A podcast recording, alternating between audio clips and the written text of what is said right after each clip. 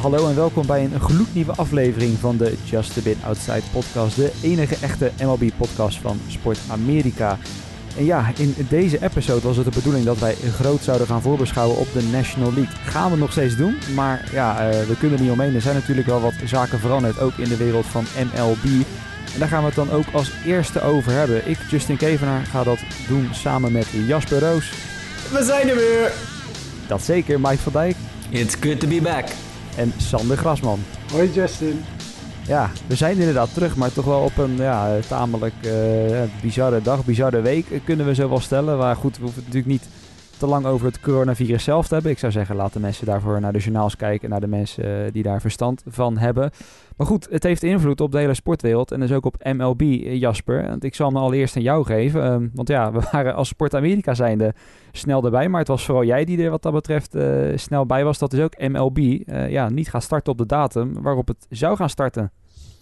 Ik heb hem zo gemist, hè. Ik zal hem even aan jou, als eerste aan jou geven. Ik heb het zo gemist, eh, Justin. We hebben zo'n lange break gehad. Ik, uh, ik smachtte naar het moment dat jij zou zeggen... ik ga hem als eerste aan jou geven. uh, ja, wij, uh, ja we, we, hadden mazzel gisteren. Nou ja, nee, we hadden geen mazzel. We, we, waren, we waren even goed ingevoerd gisteren. We waren de eerste ja. op Twitter...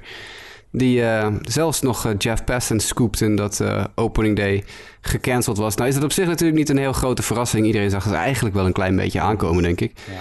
Alleen ja, precies wat er zou gaan gebeuren en wanneer. Of het uitgesteld zou worden of dat het opgeschoven zou worden of wat dan ook. Dat is allemaal, was toch even een beetje de vraag. Maar ja, wij konden gelukkig dankzij een, een bron die ik heb in Amerika... die zeer goed ingevoerd is konden wij iedereen scoopen. Zoals uh, sommige mensen wel weten, ben ik sinds 1 januari ook werkzaam voor een Amerikaanse sportwebsite. Een over het algemeen erg goed ingevoerde Amerikaanse sportwebsite. En uh, ja, daar zat iemand die iemand kende binnen een van de Major League organisaties. En die had al eventjes een, een berichtje gestuurd van... hey, we zijn net uit die meeting gelopen met de owners en het is cancelled. Dus ja, we konden... En toen dacht ik, ja, weet je, dan gooi ik het ook maar gelijk op Twitter. Ik bedoel, dat is één bron. En ik denk, uh, weet je, de kans dat we gelijk hebben is vrij groot. Dus uh, ja, we, we scoopten gisteren de duvel en zijn oude moer. Dat vond ik wel even leuk. Ja dat, dat, ja, dat is natuurlijk toch vrij uniek. Ik bedoel, ja, zij zitten natuurlijk allemaal dichter op het vuur wat dat betreft. Maar ja, je zegt het denk ik goed inderdaad. Het, het, het verraste niet in die zin dat het natuurlijk al alle sportcompetities in Amerika, March Madness ook bijvoorbeeld, het was allemaal afgelast. Uh, ja, MLB kon er natuurlijk niet bij, bij achterblijven. Dat zat er dus. Deden ze wel trouwens, hè? Ze, ze, bleven wel een klein beetje achter. Maar goed, ja, uiteindelijk, uiteindelijk hebben ze dan. Uh, precies, dat is een beetje dan misschien typerend voor honkbal. Hè? Het loopt altijd, altijd misschien een beetje achter in, de, in, in vernieuwingen en, en, en, dat soort zaken. Maar ja, het is natuurlijk nog steeds wel, wel hartstikke jammer. We wisten natuurlijk allemaal dat het ging komen, maar uh, ja, dat het nu echt gebeurt. En nu het vooral nog heel veel onzekerheid is natuurlijk, hè? Wat, wat er gaat gebeuren. Dat is natuurlijk met elke sport het geval, maar ook met MLB. Ja, wat gaat er nu eenmaal gebeuren wanneer we daadwerkelijk los kunnen gaan. Hè? Er wordt natuurlijk veel gerefereerd naar 1994, hè, toen door de, de, de, strike uiteindelijk een even duurde het seizoen begon. 144 wedstrijden werden toen gespeeld, zeg ik uit mijn hoofd.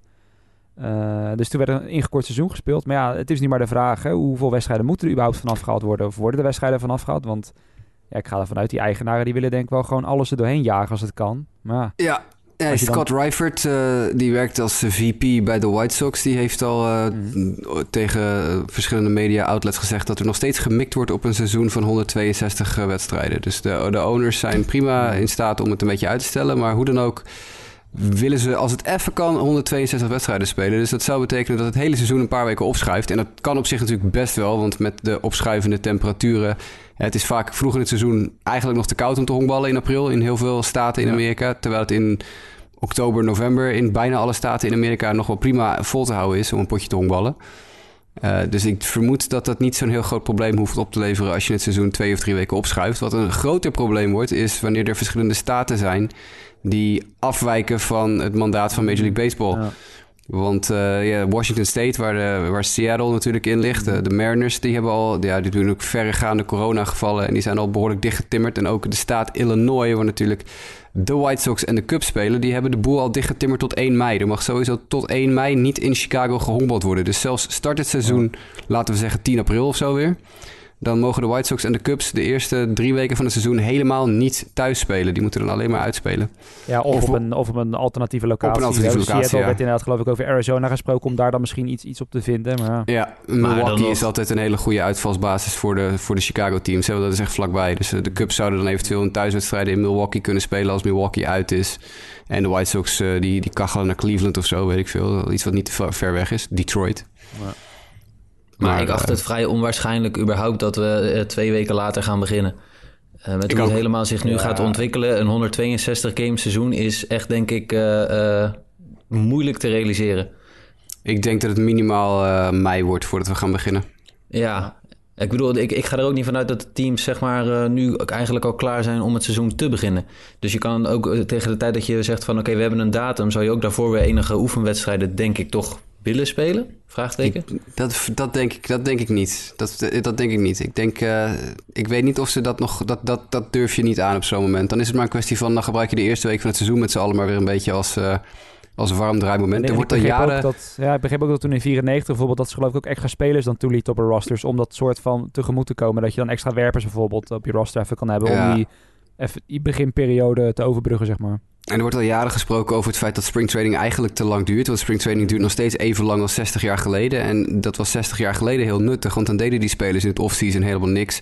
En dan moest je inderdaad weer optrainen om uh, op niveau te komen. Maar dat hoeven spelers tegenwoordig echt niet meer. Want die trainen de hele winter door. In het enige wat je even moet doen is een week of twee weken... Uh, ja, je swing weer een beetje soepel krijgen en, uh, en wat game feeling krijgen. Dus in principe zou je kunnen zeggen dat de honkbal al jaren toe werkt naar een spring training die maar twee weken duurt in plaats van zes weken. Uh, zes weken springtraining slaat eigenlijk helemaal nergens meer op in de tijd waarin we leven. Hoe professioneel die, die sport is, hoe, hoe, hoe die sporters ermee zelf mee omgaan. Dus ik vermoed dat je nu, want je hebt nu alles met elkaar een kleine maand springtraining gehad. Uh, ongeveer een maand geleden was het pitches en catches reporting. Dus je hebt uh, pakken mee, wat is het, twee weken echt wedstrijden gehad en dan nog twee weken pitches en catches en, en drills en zo. Ik verwacht niet dat er oefenwedstrijden gespeeld hoeven te worden. Nee, maar wat dan nog wel interessant is, is hoe maak je op dit moment dan je, je keuze, zeg maar, als je over drie, vier weken later zit, wat betreft je roster? Ja, nou ja, dat moet je dus gaan gokken, denk ik. Ik denk dat het dan dus eh, spelers zijn die mazzel hebben, die uh, uh, een goede eerste twee weken hebben gedraaid, die nu een kans maken. En, uh, en er zullen ook wel meer teams zijn, denk ik, die gewoon op safe gaan spelen, die spelers meenemen die ze kennen. Dat het even voor de rookies geen tijd meer is, of voor de jonge minor leaguers of wat dan ook. ja, die moeten dan maar in de minors gaan spelen en daar bewijzen dat ze, het daar, dat ze alsnog op, opgeroepen kunnen worden. Maar dat heel veel teams dus de, de zekerheidjes van, oké, ik weet wat een Austin Romine of een nou ja, noem maar zo'n willekeurig figuur die al honderd jaar in de majors rondkachelt, wat die kan doen. En dat je die dan gewoon meeneemt voor, de, voor, voor ja, als zekerheidje, geen risico. Ja, misschien kunnen de, de spelers waar ze nog options voor hebben, zullen misschien ook iets eerder de voorkeur krijgen, denk ik. Dan, uh, of die zullen wel eerder teruggezet worden. En, en spelers die geen options meer hebben, worden misschien wel dan op het roster gehouden, denk ik. Ja, bijvoorbeeld in de Rule 5 draft picks misschien, waarvan ze dan toch enigszins gecharmeerd waren. Dat ze dachten, nou ja, die houden dan ook maar erbij. Oh. Dat je nou dat soort afwegingen gaat maken, dat, dat, is denk ik wel heel erg interessant. Teams dat gaan aanpakken. Maar ja, het is denk ik voor, ja, voor die teams natuurlijk net zoveel uh, als dat wij weten. Het is vooral nog de vraag, wanneer gaat het dan, dan beginnen? En dat is eigenlijk nu natuurlijk het voornaamste probleem. Daar heeft niemand nog echt een reëel antwoord op. Ja, die twee weken zijn nu gegeven natuurlijk.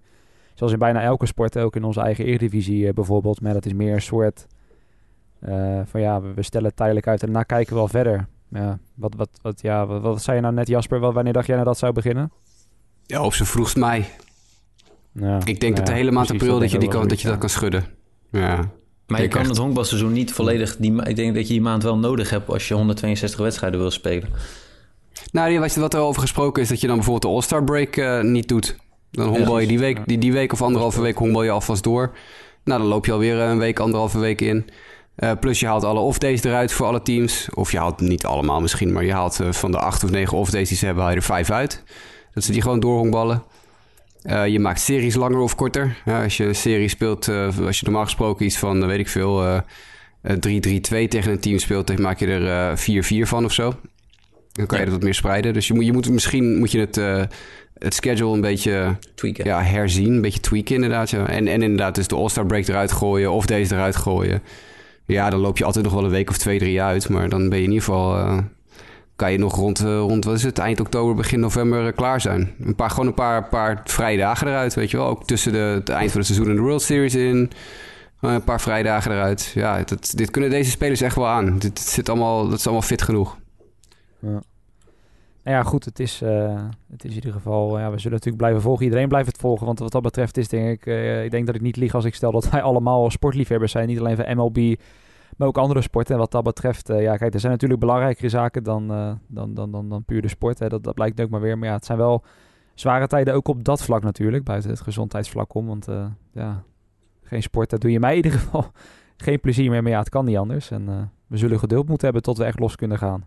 Het is wel dodelijk saai hoor. Dat, eh, ik bedoel, ik snap het. Weet je, nogmaals, ik sta er volledig achter dat het allemaal gebeurt. If anything vind ik dat het te laat allemaal gebeurt.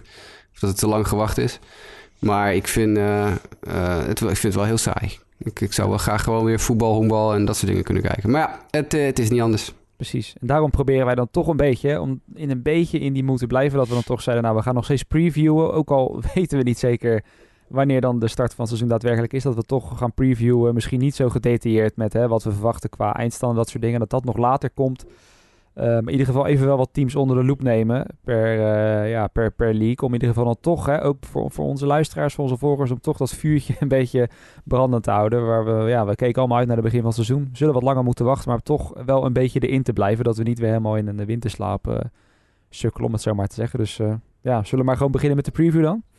Laat maar doen.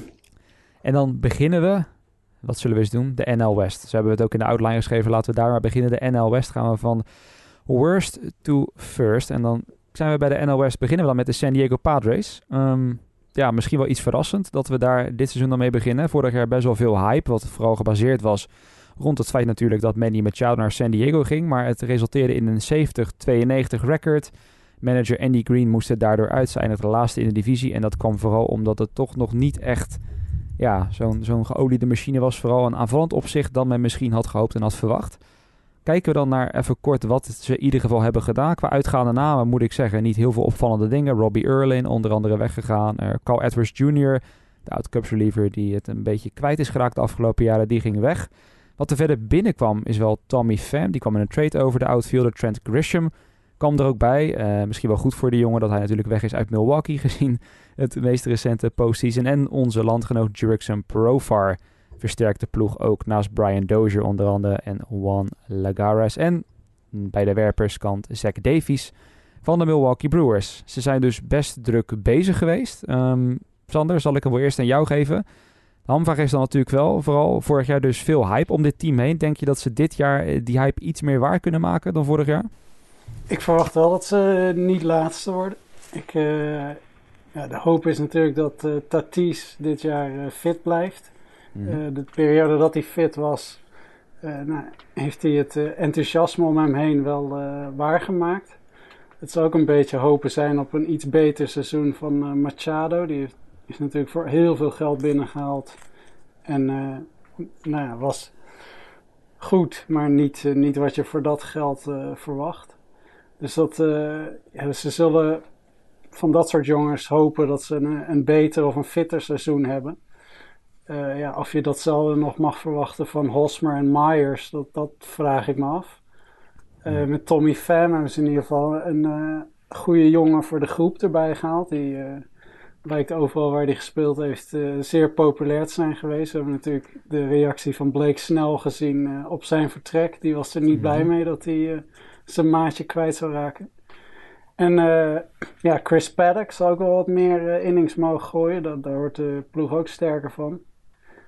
Uh, ja, ik verwacht dat ze het beter gaan doen. Ik verwacht niet dat we als we volgend jaar weer van, van onderaf beginnen, dat we met, met de Padres beginnen. Maar ja, ik denk dat het een wildcard is het meest positieve, denk ik. Waar de Padres op kunnen mikken dit jaar.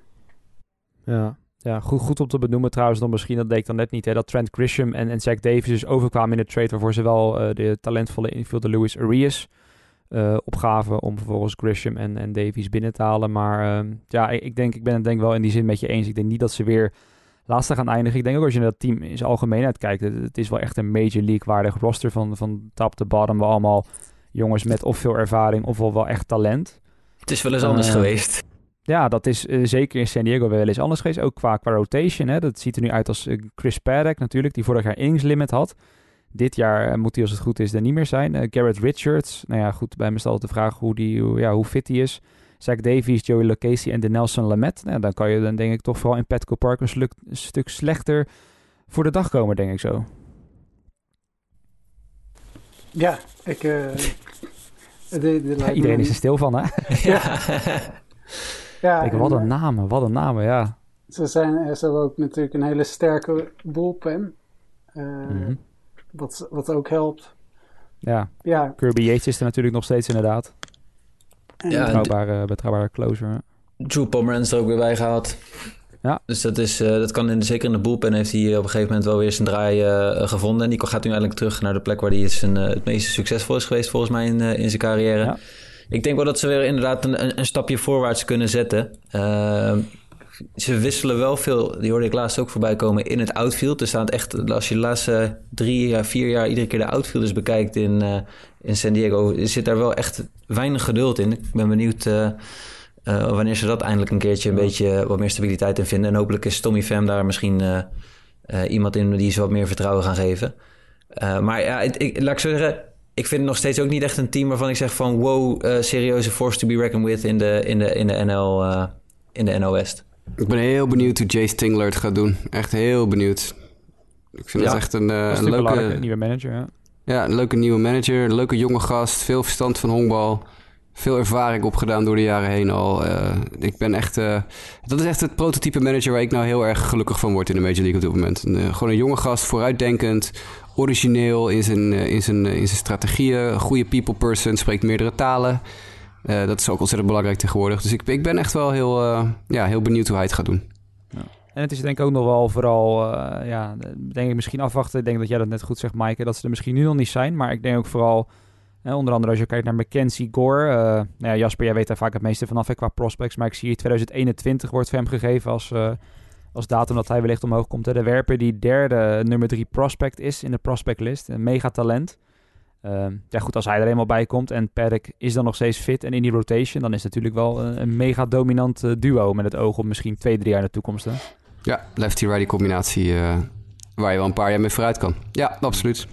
Dus dat is, het is wat dat betreft denk ik nog steeds aan voor de Padres. en meer, misschien meer kijken naar de toekomst dan direct succes verwachten. Um, ja, hoe dat zit voor de Colorado Rockies, dat wordt ook wel heel interessant. Dat is eigenlijk een team waar we zien dat de Padres best wel wat major leaguers hebben binnengehaald. Uh, hebben de Rockies eigenlijk vrij weinig gedaan. Uh, er zijn niet heel veel na, ja, spelers van naam vertrokken. Als je ook vervolgens kijkt naar de basis die er in ieder geval nu volgens Fangraph zou moeten staan, is er eigenlijk niemand die dit seizoen is aangetrokken. Het is eigenlijk vrijwel dezelfde kern als die er vorig jaar was. Of die in ieder geval al in het systeem zat van de Rockies. En ja, vorig jaar leidde dat toch tot een, vrij teleurstellende terugval. 71-91 Jasper. En ja, jij was toch jarenlang, of in ieder geval de laatste twee, drie jaar... Uh, de, wel de buschauffeur van de Rockies fan bandwagon. Uh, bandwagon, om het zo te zeggen. Maar ja, eh, vorig jaar een flinke terugval. Denk je dat ze dat toch weer om kunnen slaan? Of dat dit misschien wel het begin is van een wat langere periode zonder succes? Nou, ik denk wel dat ze het om kunnen slaan. Net zo goed als wij even om moeten slaan. Dat we geen uh, acht minuten per team gaan besteden. Want dan zitten we hier morgenochtend nog. Dus we moeten even iets sneller dan we net uh, door de Padres zijn gegaan. Want anders dan zitten de mensen thuis. Ik weet dat uh, wel wat mensen hebben die ons getwitterd hebben. Wordt het weer zo'n ellenlange, heerlijke, maar ellenlange show. Uh, ja, die kans is wel aanwezig, maar laten we geen acht minuten per team ik kan, ik kan mijn stopwatch wel erbij houden. Hoeveel stel je voor per team? Dan, uh... Nou, geen acht minuten. Oké, ik, ik heb hem heel aangezet. Oké. Okay, is goed, is goed. We proberen het een beetje binnen de perk te houden. We moeten 15 teams doen. Dus als we dat acht minuten per team doen, dan, uh, dan, dan wordt het Titanic-achtige lengte, zeg maar. Dus, ja, de Rockies, nou, ja, een beetje inderdaad wat je zegt, on, onveranderd. Maar Jawel, jawel. Ik denk het wel. Ik, uh, dat kan bijna niet anders. Ik bedoel, dat, dat team is niet, niet zo heel veel veranderd. Er zit nog steeds veel talent in. David Dahl, Travis Story, Charlie Blackman bovenaan de line-up. Nolan Arenado, die gewoon weer meehongbalt. Uh, ik, ik, verwacht betere seizoenen van Ryan McMahon en uh, Tony Walters. Beter seizoen van Garrett Hampson. en, en Ian Desmond, die moet je maar gewoon aan de kant schuiven. En uh, heel veel zal afhangen van die rotation. Hè? Natuurlijk, uh, het is al jaren, de, de, de, gaat het goed of gaat het niet goed met John Gray... die de ene wedstrijd heel goed gooit, de andere wedstrijd waardeloos is. Kyle Freeland, die van een rots afsodemieten de vorig jaar. En uh, dat is eigenlijk alles wat ze hebben. Ja, voor de rest weet je niet wat je krijgt. Je weet niet wat je krijgt met Sensatella. Je weet niet wat je krijgt met Hoffman. Marquez was dan wel goed vorig jaar, maar dat, die kan het in zijn eentje ook niet doen. Dus ja, heel veel gaat daarvan afhangen. Voor de rest is er weinig veranderd, dus ik verwacht het beter dan vorig jaar. Ja. ja, en het is het enige waar ik dan wel ongelukkig van word, is dan als ik in die bullpen in ieder geval voor nu zie dat ze Wade Davis weer als closer willen installeren. ik, denk, ik denk stiekem dat, dat, uh, dat hij een heel kort lijntje heeft en dat Scott Oberg uh, klaar staat om zijn plekje over te nemen als het niet goed gaat. Ja. Mag ik hopen van wel, ja. ja. Nou goed, ik zou zeggen, we zitten nu op, uh, wat is het, anderhalf minuut voor de Rockies. is iedereen het daarmee eens? Ja, nee, ik denk ook, de Rockies hebben vorig jaar de dobbelsteen gegooid en toen viel die niet helemaal de goede kant op. En nu doen ze het nog een keer met de selectie om te kijken of het iets beter gaat. En zoals Jasper zegt, ik denk dat dat beter gaat. Ja, nou, ik denk in ieder geval waar we het wel over eens kunnen zijn. Bij de Rockies kan het dus waarschijnlijk wel beter gaan dan bij de Padres. Maar een team waar ik in ieder geval persoonlijk heel weinig vertrouwen in heb, dat zijn de volgende San Francisco Giants. Um, ja, een team wat natuurlijk heel veel succes heeft gekend. Dus aan de andere kant kan je stellen, hè, wat zeuren ze nou? Maar ja, dit is wel echt een heel uitgekleed team. Hè. Kom nog eens bij Madison Bumgarner onder andere weg. Hun beste reliever Will Smith, die is weggegaan. En ja, het, het, is nog steeds een beetje... Ik, ik, ik, geloof dat jij het ook wel zo hebt genoemd, Jasper. De bejaardensoos hè, van de Giants. Het is... Uh, het is echt een vreselijk team. Het is echt, echt, echt, echt een vreselijk team. Verre van Giants. Gadverdarrie. Ik word er gewoon, ik word er gewoon echt gewoon. Het is ook als je de starting line-up bekijkt. Uh, kijk, de leeftijd zegt niet alles, maar iedereen wordt of dit jaar 30 of is al over de 30, behalve Mauricio Dubon, de tweede honkman.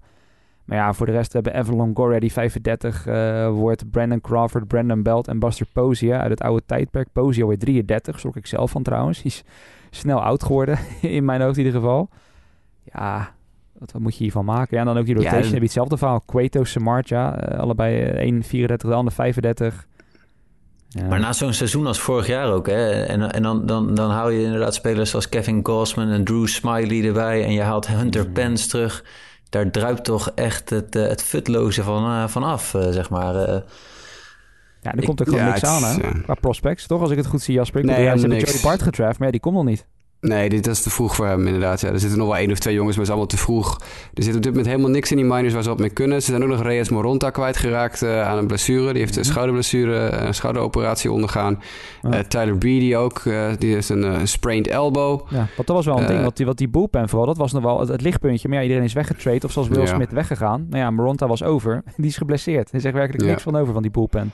Nee, hebben ze wel Kevin, Kevin Gausman en Drew Smiley nog gehaald als een beetje ja, rotation ankers om iets meer. Maar ja, goed, dat is toch ook. Ankers ook fillers. Ja, die worden ook gewoon met 30 en 31 dit jaar, weet je wel. En, dat, is, dat is jongen, jongen. kijk je naar het outfield. Er staat dan uh, uh, Jastrzemski in het rechtsveld, Dickerson in het linksveld. Ja, nou sorry hoor, dat, daar, daar ga je de oorlog ook niet mee winnen. Weet je wel? Ze, wel, ze, hebben wel, ze hebben wel, zeg maar, hè, om een beetje te helpen, ze hebben de dimensies van het stadion wel ietsje aangepast. Dus wellicht ja, nou ja, dat zou een kleine boost te verwachten. Als Billy Hamilton het roster haalt, want die is natuurlijk een non-roster invitee uh, in Spring Training, dan, dan krijg je uh, juist die snelheid van hem. Kan je dan weer in het outfield wat leuks qua defensie mee doen. Maar hij gaat de bal natuurlijk niet over de hekken slaan. Dat is... Uh...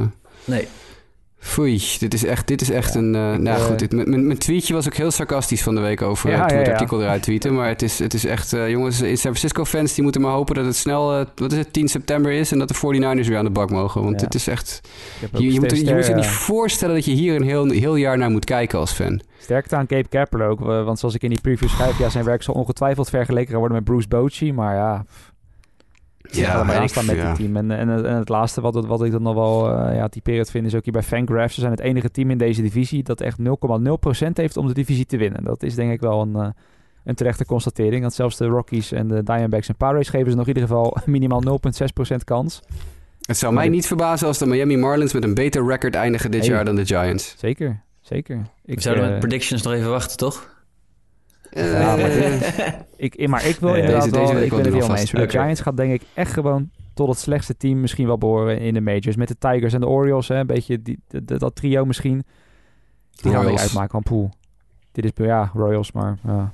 Ja, dit is echt andere teams hebben tenminste nog een beetje hoop voor de toekomst. Dat druipt hier ja, dat is vooral. niet vanaf. Nee. Uh, nou, ze hebben wel Jose Siri dan nog geclaimd hè, van de week. Want die is van de Reds naar de Mariners naar de Giants gegaan in echt drie weken tijd of zo.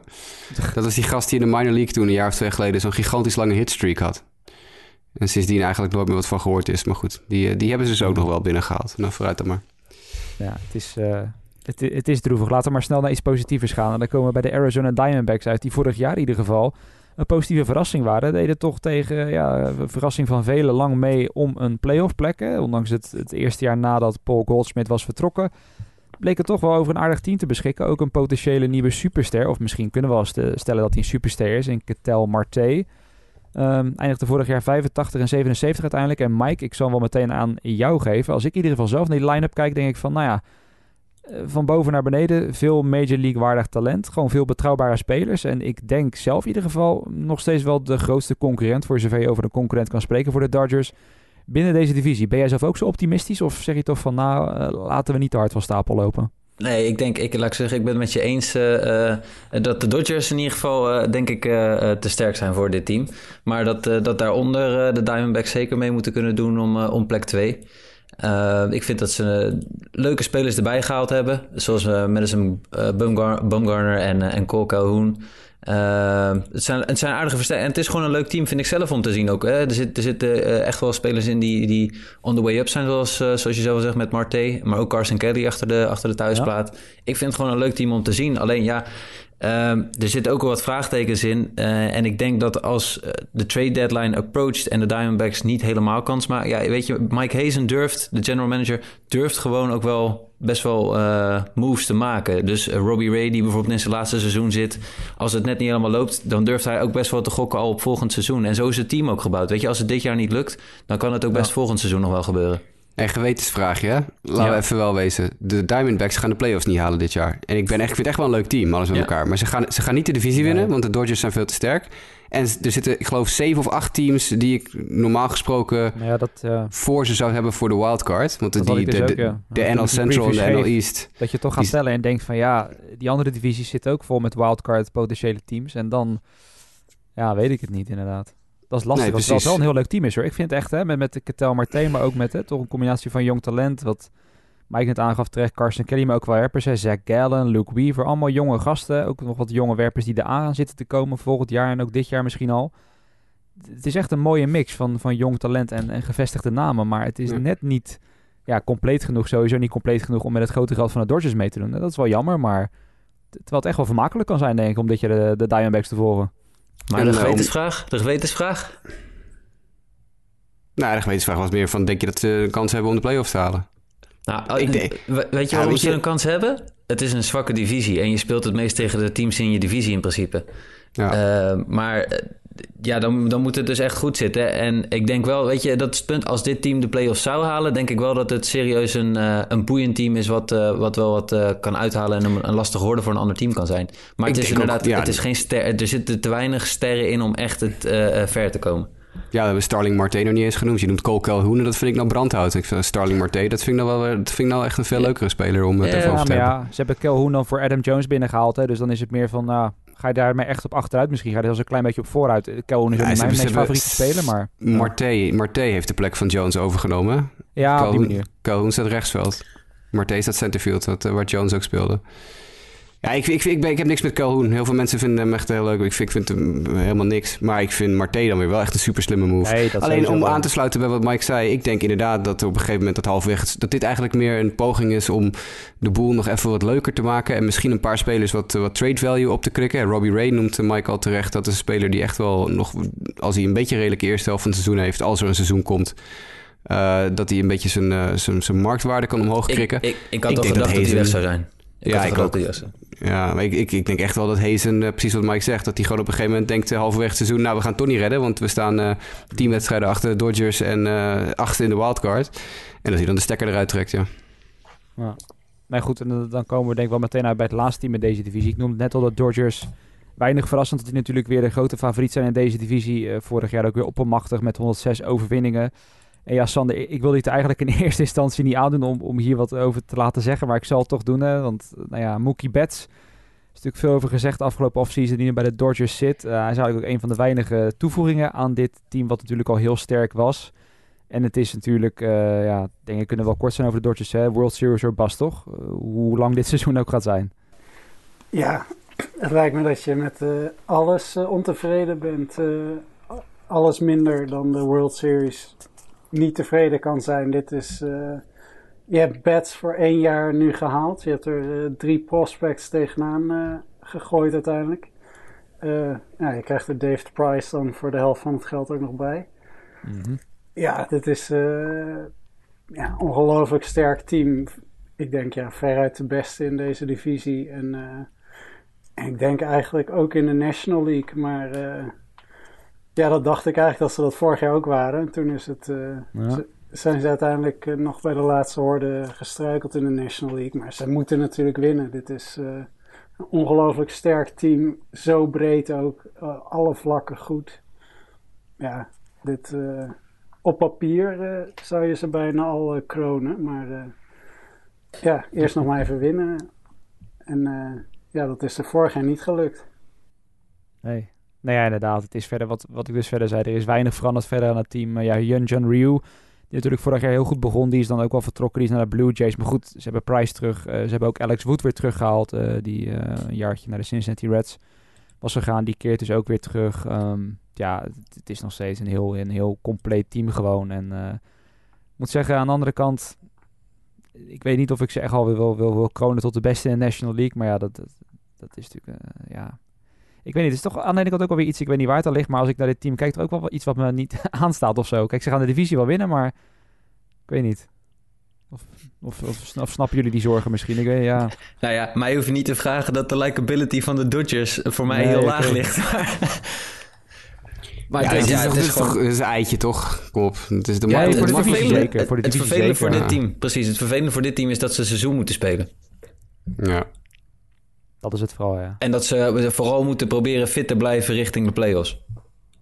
Ja. Ze hebben een, uh, een NL MVP, een voormalig EL MVP, een uh, weet je, Cy Young Award winnaar. Even één, twee Cy Young Award winnaars en een, uh, een derde die er kans op maakt dit jaar. Ja.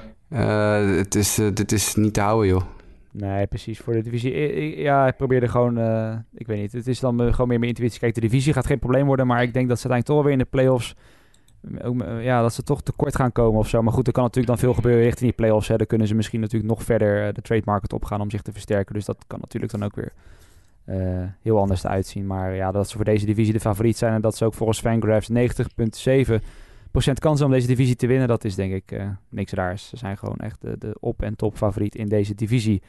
Eén dingetje, één dingetje nog even over de Dodgers. Wat ze echt niet goed gedaan hebben, of misschien juist wel goed. Maar ze hadden een super prospect, Jadier Alvarez, een pitcher... die ze een paar jaar geleden voor een kapitaal hebben van de internationale markt hebben afgetrokken. Mhm. En uh, die hebben ze eruit gesodemieterd. Of althans, die hebben ze uh, door die, gedfa'd en die zit nu in de minors weer. Wat echt verwonderlijk is, dat niemand hem geclaimd heeft. Oh. Die gozer was echt een waanzinnig talent. Toen ik volgens mij mijn eerste jaar dat ik de prospect rankings deed... was hij de nummer twee prospect van de Dodgers. Maar die is echt van van de aardbodem verdwenen. En het schijnt een, uh, ja, een probleem te zijn met zijn, uh, zijn houding. Uh, die, dat is wel echt een, echt teleurstelling, vond ik dat. Want dat was echt zo'n waanzinnige pitcher in zijn eerste paar jaar in de minors. En dat is helemaal niks meer. Ja, goed. Dodgers in ieder geval de grote favoriet in de NL West. En dan gaan we door naar de NL Central. Want ik denk dat we eigenlijk van de, misschien de divisie die het meest voorspelbaar is... in ieder geval in eerste opzicht naar misschien wel de meest onvoorspelbare divisie gaan. In ieder geval in de National League. Want we hebben hier, kan ik denk toch wel stellen, straks vier teams die allemaal wel een reële kans maken om de divisie te winnen. En één team maakt er denk ik geen kans op. En daar beginnen we dan ook maar mee. De Pittsburgh Pirates eindigde vorig jaar laatste in de divisie met 69 en 93 record. Kostte Clint Hurdle zijn baan, kost ook de GM zijn baan. En dus beginnen ze in Pittsburgh soort van opnieuw begint niet echt met, met heel veel uh, gekletter, om het zo maar te zeggen, op de free agency market. Wat denk ik op zich ook wel terecht is. Ik bedoel, Jared Dyson weer binnengehaald. En ik weet nog, Mike, jij stuurde geloof ik uh, toen die tweet door waarop Jared Dyson, uh, nou ja, om maar sarcastisch te zeggen, hele bemoedigende woorden uitsprak. In, onder de mom van, nou ja, er was eigenlijk niet echt veel, veel anders. Er waren niet echt andere teams geïnteresseerd. Dus dan kies je maar voor datgene wat er langskomt. Ja, dat was dus Pittsburgh. en dat is denk ik wel eigenlijk het meest noemenswaardige gedaan. Want voor de rest ja, is dit geen team wat echt kans gaat maken in deze divisie. En het is eigenlijk, denk ik, wachten totdat de echte rebuild gaat beginnen, toch Jasper? Ja, ik, uh, ik weet nooit zo goed wat de Pirates doen. Het is een beetje half weer, hè? Half weer. Het is, het is altijd, altijd zo half-half. Het is altijd... Uh, ja, ze hebben natuurlijk heel veel aan de hoofd gehad. Maar ze hebben ook gewoon een heel nieuw systeem nou daar. Nieuwe manager, nieuwe GM. Dit gaat alweer een paar jaar duren. Voordat je al die lijntjes, al die nieuwe scouts die ze gaan aannemen... al die nieuwe manier van, van werken in een in een front office waar ik geloof 10 of 15 jaar dezelfde personen hebben rondgelopen. Dit gaat nog even een paar jaar duren hoor, voordat, uh, voordat het allemaal normaal is weer. Ja, Terwijl het wel jammer is, want tegelijkertijd, hè, er zitten echt wel major league waardige spelers tussen. Maar ja, gewoon uiteindelijk in de breedte is het gewoon niet, niet, niet sterk genoeg. Hè? Ondanks dat je nou wel bijvoorbeeld een Josh Bell hebt, die vorig jaar echt wel een leuk seizoen had. Kevin Newman, Brian Reynolds, Adam Frazier, echt wel leuke spelers. Maar het is gewoon niet, ja, is het totaliteit gewoon niet goed genoeg. Wat ik me dan wel uh, afvraag, want we hoeven dan denk ik niet te lang stil te staan bij de Pirates aan zich. Uh, Brian Hayes kwam ik langs, goed uitspreek. Um, wordt dat wel echt een leuke speler om in de gaten te houden, wanneer die opkomt komend jaar? Ik weet niet of die komend jaar al opkomt. Toen, maar je uh, wordt er niet per se super enthousiast van of zo? Nee, nee, nee. Het is, het is een top prospect in een organisatie waar alle hmm. top prospects nu niet meer... Kijk, vorig jaar rond deze tijd was hij geloof ik 11 of 12 in de organisatie. Hmm. Of, of ergens achtste, laag in de top 10. Maar ja, dan gaan jongens als Newman, Reynolds, inderdaad al die gasten die je net al noemt... Die, schuiven naar de majors op. Die, die verdwijnen dan uit die top. En dan is hij ineens, dan is hij ineens de top prospect. Hè? Mitch Keller, die ook nog doorschoof. Ja. Dan, dan is hij in één keer de top prospect van de Tigers. Ja, dat wil niet zeggen dat er uh, heel veel achter hem zit. Dat is... Uh... Nou, jammer. Het is een leuke, leuke, leuke speler, maar niet, niet, uh, ik sta er niet om te springen nog. Nee, eigenlijk dus een beetje, dat is net als Colin Moran, die ze nu dus op die plek hebben. En die mede in die, in die nou ja, fameuze, ik weet niet of fameus het goede woord is, maar die Garrett Cole trade zat natuurlijk. Die eigenlijk op het derde onkje uit wel leuk doet, maar ja, niet in ieder geval voor productie zorgt uh, die even... Die, die evenveel waard is als wat Garrett Cole volgens als werper bij, uh, de, ja, bij zijn nieuwe ploeg heeft gedaan, om het zo maar te zeggen. Dus ja, het is, daar, daar gaan ze nog... Ze hebben daar denk ik nu al nachtmerries van, van die trade. En dat gaat wat dat betreft alleen maar erger worden, vrees ik, de komende jaren. Maar ja, dat, dat hebben ze te danken aan het oude management. En aan het eigenlijk ja, half blijven hangen in... Zullen we wel meedoen, zullen we niet meedoen? En eigenlijk dan niet echt een keuze maken. En dan krijg je dit. Het is, uh, het is jammer. Ik vind de Pirates wel sympathiek, maar het gaat ook komend jaar denk ik inderdaad niet gebeuren. Maar die keuze is dus wel makkelijker nu, denk ik. ja, oké. Okay, dat ja. Dit jaar totaal niet. In dat opzicht wel, ja. Dus, maar goed, dat eh, is dan uh, tot nu toe nog niet echt gebleken. Maar goed, misschien wachten ze daarmee dus tot het seizoen wat verder gaat. En dat ze dan dus nuttige uh, spelers met aflopende contracten gaan proberen te lozen. Dat, dat, dat, lijkt mij dan tenminste. Maar dat zal de rest van het seizoen moeten laten uitwijzen. Maar laten we dan doorgaan. de Cincinnati Reds ja, we zijn natuurlijk toch de afgelopen jaren vaak uh, nou, betrokken geweest bij de Reds. En mede door Lionel natuurlijk. En het is jammer eigenlijk in die zin dat hij er misschien niet bij is. Want ik denk voor het eerst uh, ja, uh, is er echt ook veel hype rondom de Reds. De afgelopen jaren gingen ze steeds stapje voor stapje... leken ze een stapje in de goede richting te maken. Maar dit jaar, Mike, ik weet niet of het aan mij ligt... maar ik ben echt enthousiast over het team. Hoe zit het met jou? Ja, vorig jaar was je ook enthousiast. Ja, vorig jaar, toen viel het helaas tegen. Daarom wil ik nu medestanders hebben, hoop ik. Die ook enthousiast zijn. Nou, vorig jaar was ik nog kritisch, omdat Cincinnati eigenlijk heel vaak, uh, uh, heel vaak teleurstelt. Mm -hmm. uh, maar inderdaad, als je, als je kijkt wat ze gedaan hebben deze winter... Ja, ik moet zeggen, er staat nu echt wel een, een, een leuk team. ze hebben onder andere dan Nick Castellanos erbij gehaald. Ook Wade Miley, die toch alweer in Houston zich een beetje heeft teruggevonden.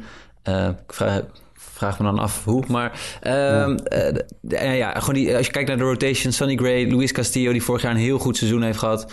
Uh, Trevor Bauer er ook bij. Ja, ik ben persoonlijk een Bauer fan. Wade Miley. Oké, ja, oké. ja, ik ben helemaal om. Ik ben Things helemaal have changed this winter. Ja, er is heel veel gebeurd deze winter. Ik ben helemaal om. Trevor Bauer, die mag alles krijgen wat hij nodig heeft. Dus ik ben helemaal aan boord, Mike. He, he, he's your bro.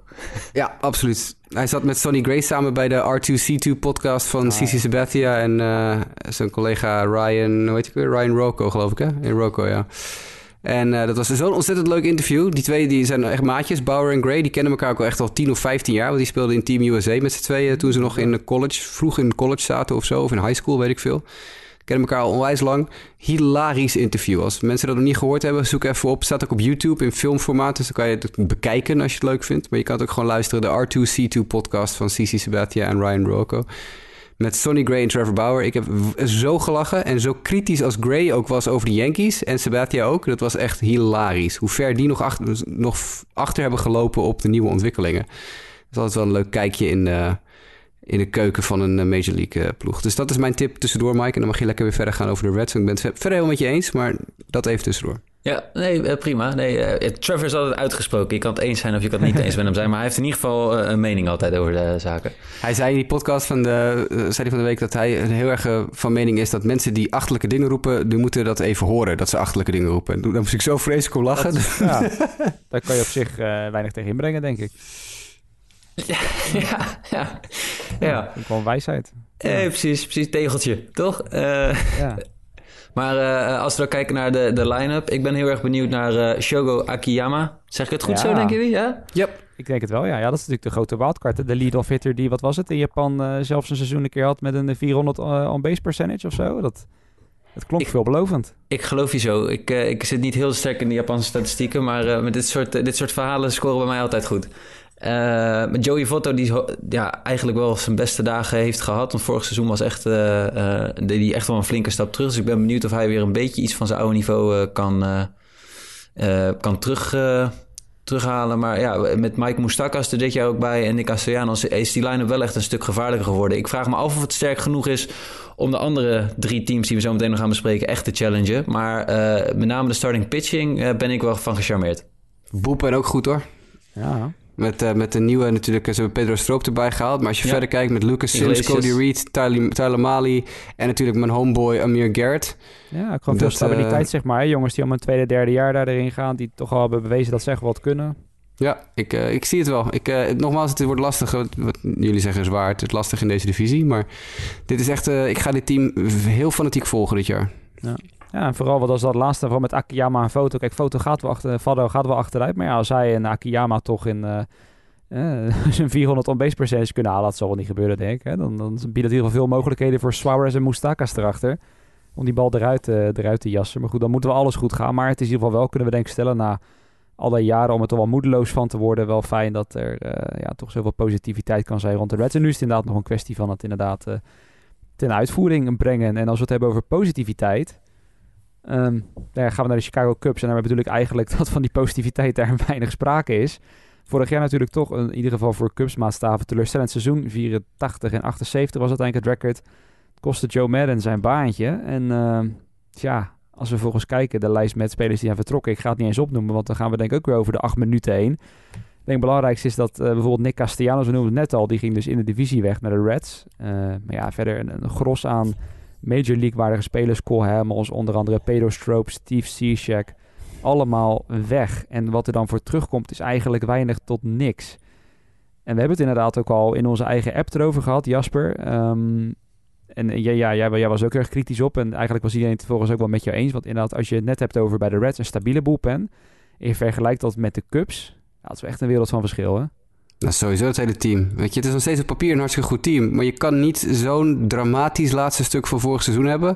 En dan denk je deze winter, ik ga gewoon helemaal niks doen. Ik ga, het, is, gewoon in de breedte te zwak, heb ik het idee. De top is wel goed, hè, met Chris Bryant, Anthony Rizzo mm. natuurlijk, en Hugh Darvish, John Lester. is allemaal leuk, maar daar, daaronder, dat is gewoon ja, wat ga je dan doen? Tweede honk ga je Jason Kipnis zo meteen op de tweede honk zetten? Ja, die, die, die zie ik nu is... inderdaad hier staan op Fangraphs, maar dat moet ik nog maar zien. Ja, die, die, die speelt echt waardeloos. Die, de, de hele spring training heeft hij echt waardeloos gespeeld. Dus ja, dat wordt dan een, een beetje een roterende situatie met David Bodie en, Daniel Descalso en Jason Kipnis of zo. Ja, daar ga je de, de oorlog ook niet mee winnen, om het nog maar een keer zo te zeggen. Maar goed, op papier zit nog steeds een heel goede aanval. Ook die rotation, daar kan, daar kan je er echt wel uh, wat van verwachten met Darvish, Lester, Hendricks en Quintana. Met dan eventueel Tyler Chatwood. Ja, dat weet je nooit wat je daarvan krijgt. Maar goed, dat is dan afwachten. Maar die boepen, dat is een vreemdelingenlegioen van heb ik jou daar. Dat, uh, dat, dat wordt helemaal niks. Er gaan een paar jongens gaan daar noodgedwongen in moeten zitten. Want dat zijn Rule 5 picks. Uh, Trevor McGill onder andere. Maar dit is... Uh, nee, dat gaat, die gaan het niet makkelijk krijgen. Nogmaals, ik zeg niet dat het geen goed team is. Hè, want op papier is het nee, best een goed team. Maar dat, ja. Hoeveel vertrouwen heb je in een nieuwe manager daar? Heel weinig. Ja, dat is dus ook, een dingetje. Ja, dat ik ook. Moet ik ook gaan zien hoor. Ik, ik geloof niet in, uh, in, in hem. Ik geloof niet in zijn managerial capabilities. En ik geloof ook helemaal niet in dat... Wat een tijdje geleden op die Athletic stond. Dat, uh, dat, dat Rizzo het uh, in zijn hoofd haalde om op een manier tegen hem te praten... dat zelfs David Ross naar hem riep van... hey, laat mij nou maar even het manager doen, weet je wel? Nou, als je... Als je, als je ja, ze hebben met, die, met hem samengespeeld nog, weet je? Rizzo en, en, en, en Ross, die, die hebben, hebben nog samengespeeld. Ja, dat is... Dat, sorry, dat gaat hem niet worden op deze manier. Dat, is nu al, dat zit nu al niet goed. Die, die verstandhouding zit nu al niet goed. Als je manager, ook al is het semi-grappig bedoeld, nu al getroepen... hé, hey, laat het manager maar aan mij over... dan ben je dus... Dat is, nee, het gaat hem niet worden. Nee, je moet ook niet... Ook, uh... ook, ook, dat scoopje hebben we hier. en je bent ook al een blessure van een van de sterspelers verwijderd. Of, of er komt wel een behoorlijk gat in je, in je line-up te staan. Ja. Uh, als ik de bench nou ja. zo zie. Dat ook vooral, ja. En er komt ook niet echt qua prospects ook, maar dat was natuurlijk ook vorig jaar al een beetje het verhaal, dat er ook niet echt meer wat aankomt. Hè? Er zijn natuurlijk jaren geweest, vooral in, uh, in aanloop naar dat, dat World Series seizoen, nou, dat, dat dat echt overliep van prospects. En dat je echt, oh, die komt eraan en dat komt eraan. Hè? Een beetje met die lichting van Chris Bryant. Maar ja, dat is nu ook helemaal opgedroogd natuurlijk. En dat wordt denk ik ook dan met het oog op komend seizoen interessant om te zien wat, wat Epstein daarmee gaat doen. Want stel dat ze eh, rond de All-Star break, nou ja, mocht hij er wel of niet komen, uh, ja, dat ze niet echt in een positie zitten om mee te doen. Is hij dan bereid om echt alles overboord te gooien en opnieuw te beginnen? Want ja, eh, je weet dan dat het niet veel beter gaat worden daarna. Nou, je zit natuurlijk met die hele situatie met Chris Bryant nog, met zijn, uh, met zijn grievance die hij verloren heeft van de Cubs. Dus dat er wel. En daarbij hebben de Cubs een eigen televisienetwerk, wat één grote pleurisbende is. Dus dat schiet ook voor gemeten op. Dus er is gewoon heel veel onrust binnen die organisatie. Er is heel veel gedonder. Ik, uh, ik heb er een hard hoofd in dat ze, dat ze dit jaar de playoffs gaan halen. Ja, ik, uh, ik ook inderdaad. En, we moeten inderdaad zien, kijk, uiteindelijk het offseason win of verlies je, of uh, laten we zeggen het seizoen win of verlies je niet per se in het offseason. Dus of de Reds die negen overwinningen verschil tussen hun de Cubs kunnen goed gaan maken komend seizoen, dat wordt de vraag. Maar ja, het is wel duidelijk denk ik dat het ene team toch op papier de goede richting op lijkt te gaan. Het andere team de minder goede kant lijkt op te gaan. En eigenlijk, als we dat naast de Cubs leggen, vind ik wat dat betreft de Milwaukee Brewers, die vorig jaar dus tweede werden in de divisie, met een 89-73 record ook wel een heel interessant team. Want aan de ene kant, weet je, hetzelfde beeld vertoond als de Cubs. Heel veel toch ervaren krachten daar zijn vertrokken. Moustakas dus naar de Reds. Yasmani Grandal die naar de White Sox ging. Eh, Gio Gonzalez naar de White Sox. Pomeranz weg. Toch veel Major League waardige spelers weg. Er komen wel wat jongens voor terug als Eric Sogard, Justin Smoke en Aviseo Garcia om maar een paar op te noemen. Maar ook bij de Brewers heb ik toch zoiets van, ja, aan de top natuurlijk, hè, Christian Yelich, contractverlenging en alles. Dat zit goed in elkaar, dat je echt, echt zo'n superster hebt weten te behouden. Maar ik weet niet. De Brewers hebben voor mij niet meer die magie. Uh, en dan zal ik wel aan jou geven, Mike. Hebben voor mij niet meer die magie die ze misschien twee, drie jaar geleden over zich heen hadden. In ieder geval papier dan, hè? Nee, de, die, die, die mening deel ik. En met name ook waar ik het vraagteken bij heb, is uh, niet eens zozeer uh, de offense, waar ik nog steeds wel leuke namen tussen vind zitten. Maar met name de, de starting pitching. Ik bedoel, ik vind dat nou echt. wat er nu staat is Brandon Woodruff, Adrian Hauser, Brad Anderson, Josh Lindblom en Freddy Peralta. Nou, ik heb de consistentie daar nog in te, in te bespeuren, zeg maar. Ja, ze hebben Eric, Eric Lauer normaal gesproken ook nog, maar die heeft een blessure op dit moment. Ja. Dus dat is uh, uh, ook nog niet. Maar nee, dat, dat vind ik ook hoor. Dat, uh, ze hebben natuurlijk wel. ze, ze hebben Sanders hebben natuurlijk wel de, de, de, de troefkaart van, van elke club. Hè. Ze hebben Brock Holt. Ja, dus, ik zet ze gewoon op één hoor. ja, precies. De Brock Holt factor, helemaal vergeten. Ja. Nee, maar goed, bedoel, als je offense gewijs, als je Ryan Braun naar de bank kan schuiven, nee, dan heb je best een aardige offense, weet je. Ik bedoel, kijk, Sogard is geen reuzendoder, maar die speelt er wel gewoon zeven jaar in de majors. Dus die kan wel een ja. beetje honkballen.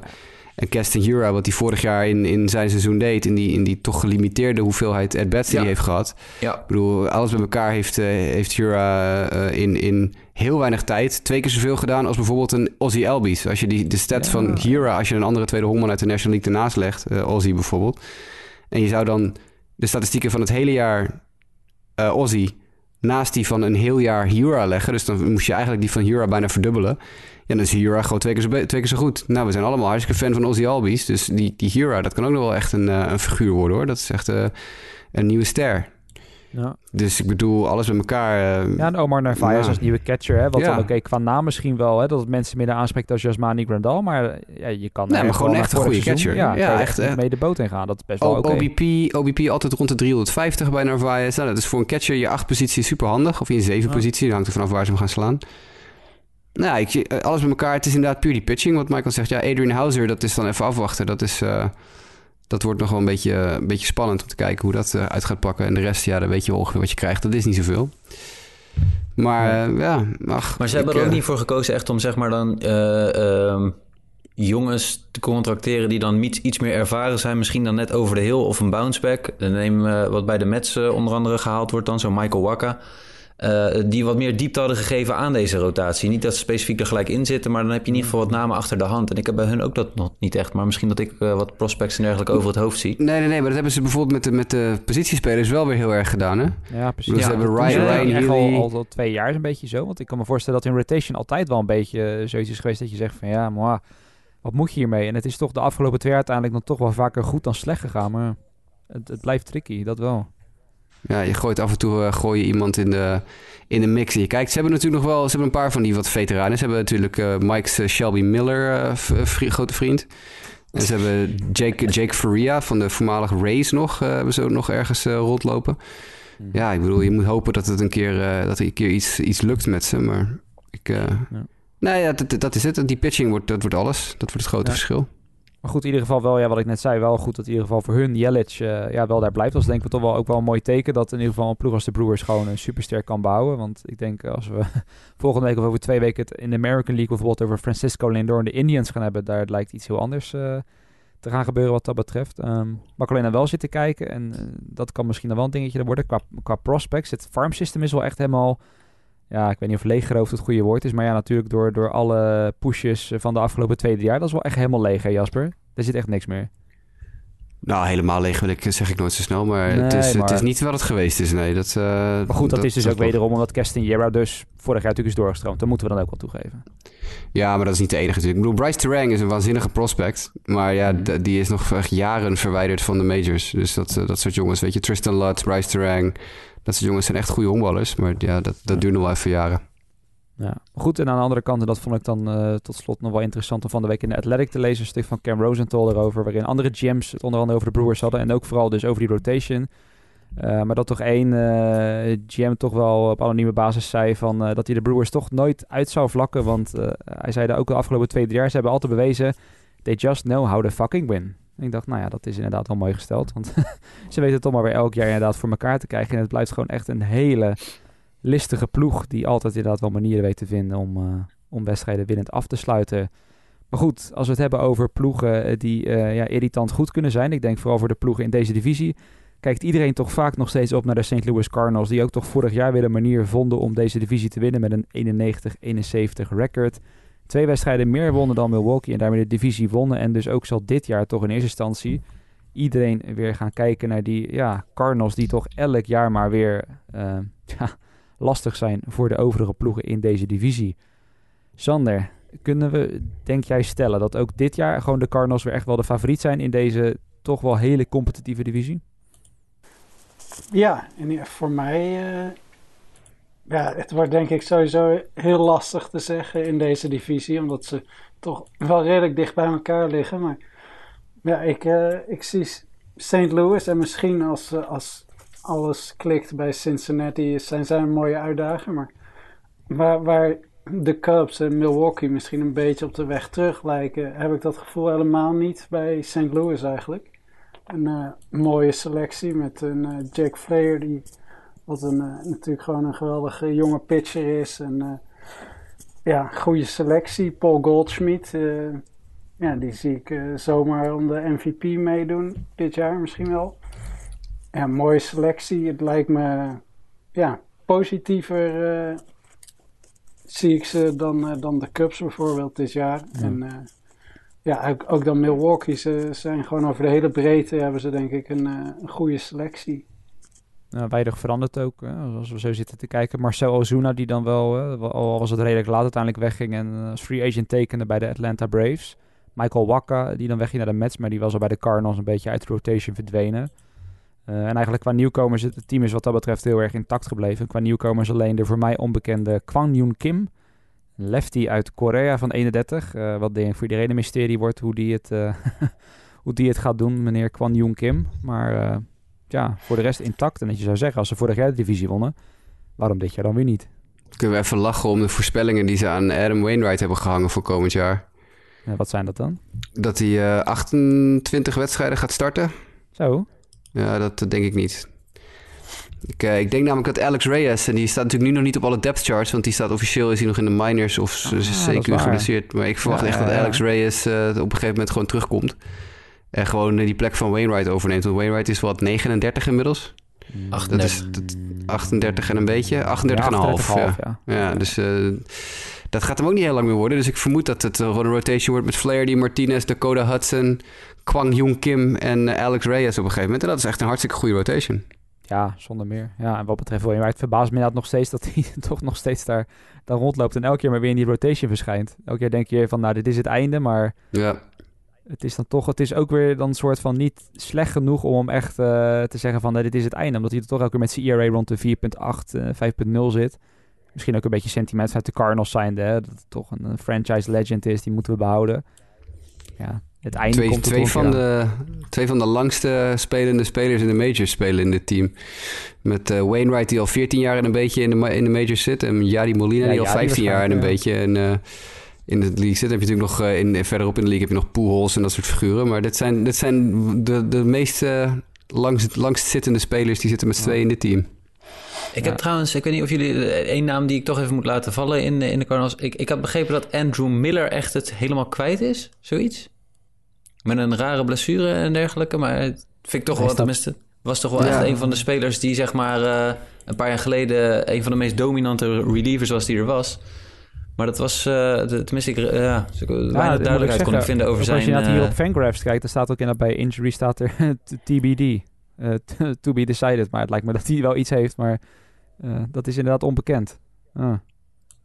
Ja, er staat wel dat hij. Uh, dat vermoed werd dat hij half april weer terug zou kunnen zijn. Dus dat is uh, op zich niet zo'n heel grote ramp. Maar ja, uh, even afwachten. We gaan het zien. Ja. Maar goed, zonder meer, wat, wat ik denk net zijn, waar iedereen denk wel mee eens is. Cardinals zo, zoals altijd weer een ploeg natuurlijk om rekening mee te houden in de NL Central. Gaan we tot slot naar de NL East. En dan beginnen we denk ik met het team waar we ook in deze divisie dan weer geen rekening mee hoeft te houden, denk ik. En wederom een divisie waarin misschien wel, als je het heel optimistisch bekijkt, misschien wel vier teams zijn die kans maken. Ik zeg erbij, als we optimistisch zijn, vier teams die kans kunnen maken op de divisie. De Miami Marlins horen daar helaas, vrees ik, weer niet bij. Vorig jaar weer... Nee, toch niet, denk ik, nee. Breaking news. Vorig jaar troosteloos laatste weer natuurlijk, 105 nederlagen. Al moet ik wel zeggen... Um, om dan toch een beetje positief te blijven in deze moeilijke tijden. Ik vind wel dat de Marlins er soort van wat aan hebben gedaan om een Major League waardig roster uh, voor de dag te krijgen. Omdat het toch echt, als je nu kijkt, Jonathan Villar erbij, Corey Dickerson erbij, Jesus Aguilar, uh, wat hebben we nog meer daar in de bullpen, Brandon Kinsler. Ze doen wel meer hun best, in ieder geval, vind ik zelf. Mike, wat vind jij? Nou ja, uh, volgens mij zitten namen als Matt Joyce en Brad Boxberger er ook nog steeds bij. maar ja, er zijn zeker wat lichtpuntjes in deze selectie te benoemen. En uh, ja, dan, als ik het uh, in die zin uh, naar jou en Jasper mag gooien. Jordan Yamamoto en Caleb Smith, toch? Precies, de, de rotation. Ja. Dat was vorig jaar eigenlijk het, het enige wat ze nog een beetje ja, de moeite waard maakte om te kijken. En, ja, ze zijn er allemaal nog steeds. Smith, Alcantara, Lopez, en Pablo Lopez, die het vorig jaar ook af en toe leuk deed. Yamamoto. Het, ik moet zeggen, het, het is... Het zijn geen spelers waar, je de, waar je dus echt... Uh, dat, kijk, uh, Caleb Smith, ik weet dat jij waanzinnig fan van Caleb Smith, Smith bent... maar Caleb Smith is ook al bijna 29 ja, en heeft pas twee jaar de majors erop zitten, weet je wel. Ik weet het, ik weet uh, het. Het gaat niet meer worden dan dat het wel is geweest, maar... De, de enige die hier in de rotation zit waarvan je nog redelijk kan zeggen... oké, okay, daar zit vuurwerk in de arm en heel veel potentie is eigenlijk uh, Alcantara. Ja. Ja, Want ook Urenia is al bijna 29 en Pablo Lopez en Yamamoto zijn allebei 24. Maar dat zijn allebei geen ace-potentie Nee, maar voor, voor, het einde waar ze nu op staan, 4 5 Ja, 4 5 ja, is prima. Ik bedoel, dat is Absoluut. beter misschien dan wat de Brewers hebben bijvoorbeeld. Uh, in ieder geval wat betrouwbaarder. Zeker in het geval van Yamamoto weet je iets meer wat je krijgt, ja. Maar het zijn geen uh, reuzendoders of zo, hoor. Het zijn een beetje de Ricky Nolasco's van deze tijd. De Rick, ja, dat vind ik een mooie, ja, vind ik een mooie vergelijking. Die jongens die, uh, die tot, tot lang in hun carrière nog redelijk mee kunnen, af en toe een goed seizoen hebben. En ja, ik vind Yamamoto uh, ja, gewoon een leuk speler. Dat, ja. dat, dat, klopt. En, en, en voor de rest, ja, ze, ze, ze, hebben natuurlijk ook nog Ryan Stanek gehaald van de Tampa Bay Rays. Mm -hmm. En uh, die kan natuurlijk ook nog openen, eventueel, mochten de Marlins die kant op gaan met een opener. Dus. Ah. Hoe, gaan, ze, gaan ze 60 wedstrijden winnen? Mm. Mm, ja, het, dat kan wel, denk ik. Ik bedoel, en het is ook denk ik vooral, dat hangt er wel heel erg ook vanaf hoeveel van die jonge jongens hè, die vorig jaar opkwamen. Isaan Diaz bijvoorbeeld. Kan Lewis Brinson eindelijk uh, zijn, zijn strike-out probleem oplossen? Ik hoop het voor de, voor de beste jongen, maar ja. Heeft nog het, gro het grootste probleem daar is het feit dat wat Michael eerder te sprake bracht bij, uh, in de NOS, dat het een de, bij de Diamondbacks, dat ze in de divisie veel kunnen winnen. Dat, de Marlins hebben het probleem dan tegenovergestelde. Ja. Die zitten in de divisie met vier loodzware eh, kanonnenteams. Ja, dus ja, gaan de Marlins de 60 winnen? I don't know. Want ze spelen heel veel tegen de Braves, Nationals, Mets en Phillies. En die zijn echt mijlenver beter. Ja. Dus ja, dat... ja. Maar goed, wat dat betreft, uh, nogmaals wat ik zei, de Marlins zijn in ieder geval wel beter op geworden. En ook als je dan toch wel kijkt een beetje naar de prospects. Er komt zo langzaam aan, komen er wel toch leuke jongens aan, denk ik, de komende twee, drie jaar. Als ik het een beetje zo bekijk, in ieder geval op basis van de ranglijsten. Uh, dus ja, dat is uiteindelijk waar ze vanuit moeten gaan, toch? Hè? Nog steeds bouwen voor de toekomst, voor zover dat uh, kan in Miami. En dan hopen dat het toch ergens over drie, vier jaar beter gaat worden. Ja, maar ja, goed, nogmaals, die divisie is, uh, is niet mals. Nee, die wordt er waarschijnlijk de komende drie, vier jaar niet, niet makkelijker op. Omdat je bijvoorbeeld, laten we daar maar meteen naar doorgaan, de Phillies hebt. Um, ja, die hebben natuurlijk afgelopen jaar de portemonnee getrokken. En ook daar, een beetje als met de Padres, veel hype eromheen. En ook voor de Phillies werd het uiteindelijk toch denk ik niet wat ze ervan hadden gewacht. 81-81 record, 500 baseball, maar het was bij lange na niet genoeg om in de zware National League aan een wildcard te komen. En dat was natuurlijk toch teleurstellend voor de Phillies.